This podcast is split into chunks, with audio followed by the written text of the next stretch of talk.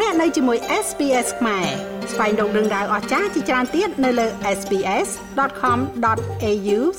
ខ្មែរ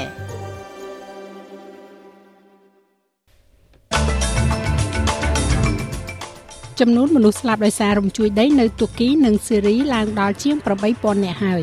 ប្រជាជនអូស្ត្រាលីពេញវ័យអាចទៅចាក់វ៉ាក់សាំងបង្ការ COVID-19 ដូសជំរុញបន្ថែមទៀតនៅក្នុងខែនេះ។ ហេរ៉ាញឹកសហព័ន្ធមានទំនុកចិត្តថាការកើនឡើងនៃអត្រាការប្រាក់មិននាំឲ្យអូស្ត្រាលីជួបវិបត្តិសេដ្ឋកិច្ចឡើយ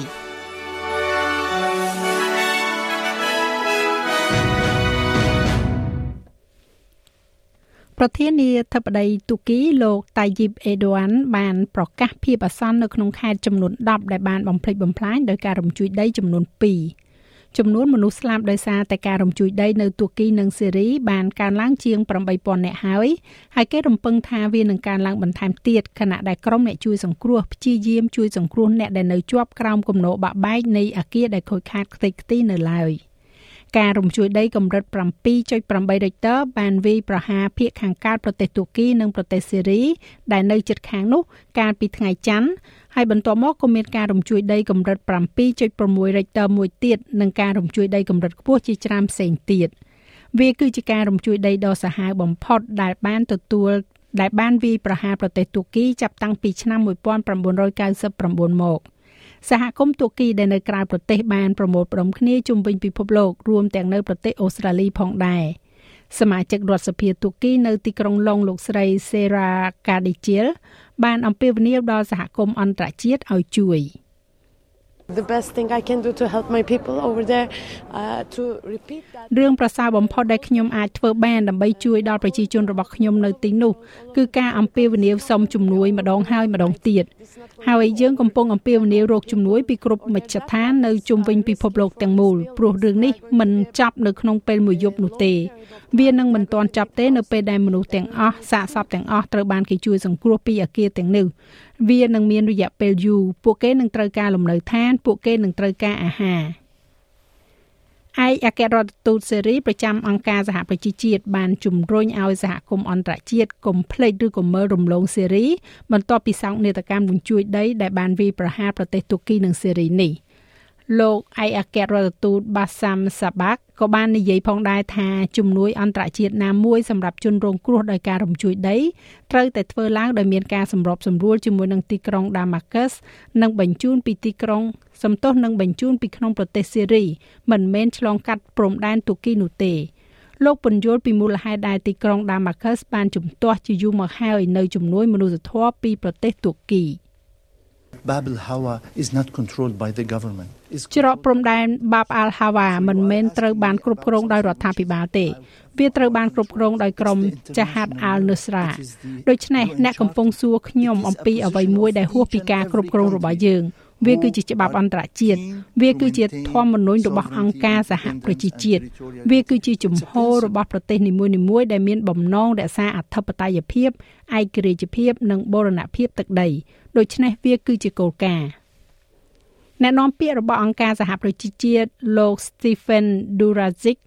និយាយថាលំហូរនៃជំនួយពីប្រទេសទូគីទៅកាន់ភាគពាយ័ព្យនៃប្រទេសសេរីបានបញ្ឈប់ជាបណ្ដោះអាសន្នដោយសារតែការខូចខាតរំជួយដី It's a chaotic situation things វាជាស្ថានភាពដ៏វឹកវរប្រជាជនក៏ត្រូវការសង្គ្រោះ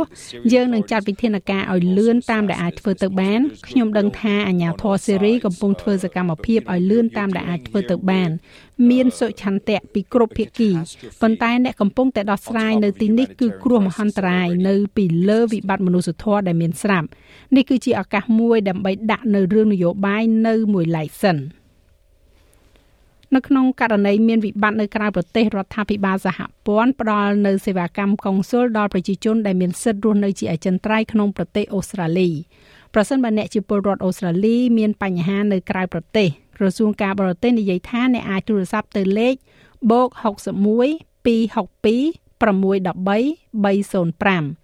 ហើយប្រសិនបើអ្នកចង់ពិនិត្យមើលសុខុមាលភាពរបស់ប្រជាពលរដ្ឋអូស្ត្រាលីនៅក្រៅប្រទេសវិញនោះសូមទូរស័ព្ទទៅមជ្ឈមណ្ឌលសង្គ្រោះបន្ទាន់កុងស៊ុល24ម៉ោងតាមទូរស័ព្ទលេខ1300 555 135ហើយមានវិធីមួយចំនួនដែលអ្នកអាចជួយដល់អ្នករងគ្រោះដោយការរំជួយដីនៅប្រទេសសេរីនិងទូគីបាន ដោយអ្នកអាចបរិច្ចាគតាមរយៈគេហទំព័ររបស់ទីភ្នាក់ងារជនភៀសខ្លួនរបស់អង្គការសហប្រជាជាតិនៅលើ unrefugee.org.au ឬក៏ emergencyactionalliance.org.au យើងត្រឡប់មកក្នុងប្រទេសអូស្ត្រាលីយើងវិញ ប្រជាជនពេញវ័យដែលមិនទាន់បានចាក់វ៉ាក់សាំងបង្ការ COVID-19 ដូសជំរុញ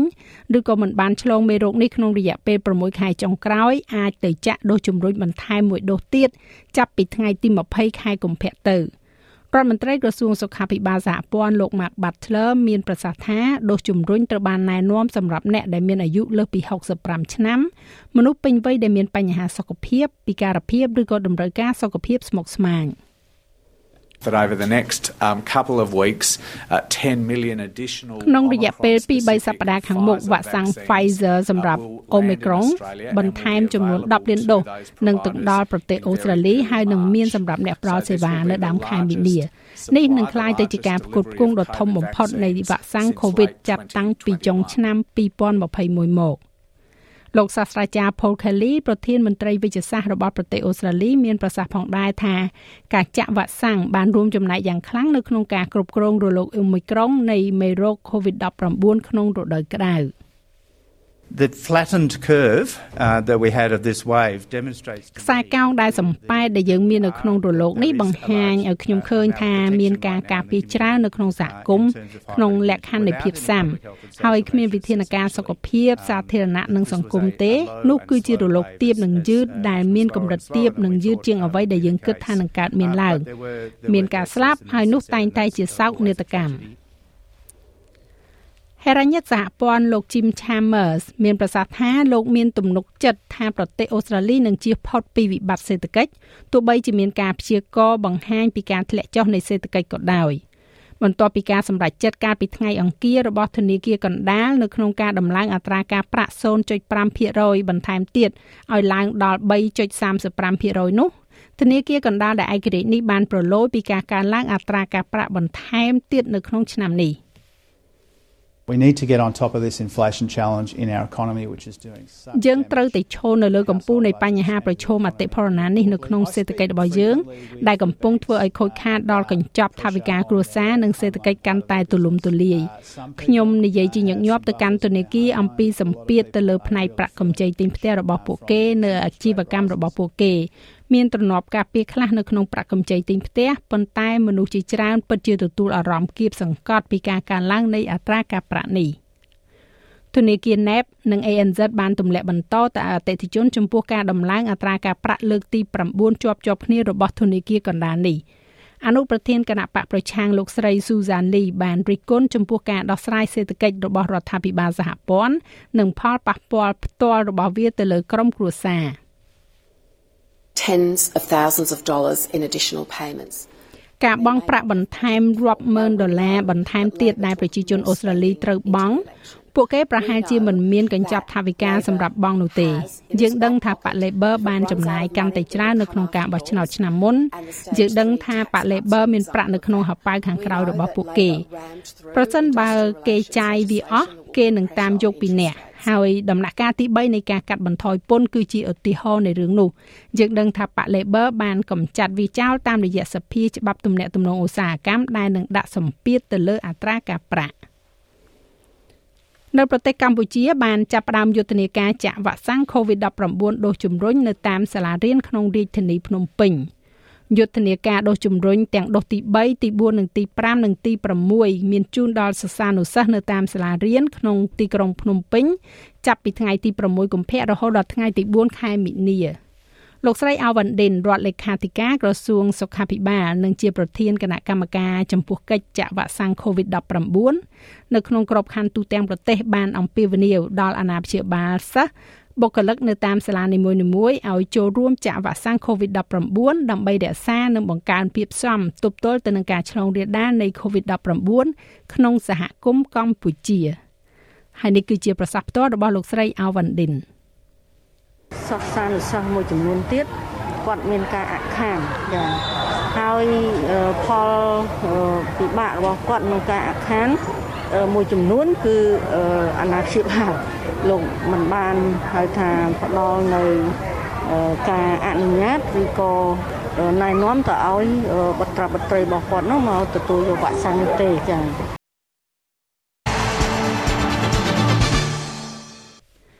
ក្រុម ចាស់នៅក្នុងព័ត៌មានក្នុងវិស័យកីឡាបាល់បោះ basketball កីឡាករ Xavier Cooks មកពី Sydney Kings ត្រូវបានជាប់ឆ្នោតជាកីឡាករដែលមានតម្លៃបំផុតឬហៅកាត់ថា MVP របស់ NBL សម្រាប់រដូវកាល2022-2023 Cox គឺជាកីឡាករទី3នៅក្នុងក្រុម Kings ដែលបានឈ្នះ MVP ក្នុងរយៈពេល5ឆ្នាំចុងក្រោយនេះដោយចូលរួមជាមួយនឹង Jalen Adams និង Andrew Bogut ។ កីឡាករវ័យ27ឆ្នាំរូបនេះជាមធ្យមទទួលបានពិន្ទុ16ពិន្ទុក្នុងមួយប្រកួត ការបោះបាល់ឡើងវិញ rebounds 7លើក និង4 assist ក្រុម Sydney Kings បានបញ្ចប់នៅលើកំពូលនៃកម្មចិនដាពិន្ទុហើយនឹងប្រកួតប្រជែងក្នុងវគ្គ Play-off ក្នុងសប្តាហ៍នេះចំណែកឯអត្រាប្តូរប្រាក់វិញយើងឃើញថា1ដុល្លារអូស្ត្រាលីមានតម្លៃប្រមាណជា69សេន6ដុល្លារអាមេរិកត្រូវនឹង2850រៀលប្រាក់រៀលខ្មែរ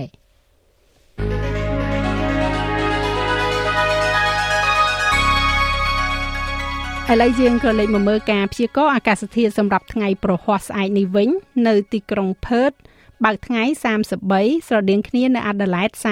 36មែលប៊នភាគច្រើនបើកថ្ងៃ27ហូបាត មានពពក23ខេនបេរ៉ារលឹមអាចនឹងមានព្យុះ24ស៊ីដនីរលឹម27 Brisbane មានពពក28 Cairns មានរលឹម33 Darwin រលឹមអាចនឹងមានព្យុះ32ទីក្រុងភ្នំពេញមានពពកដោយពេល34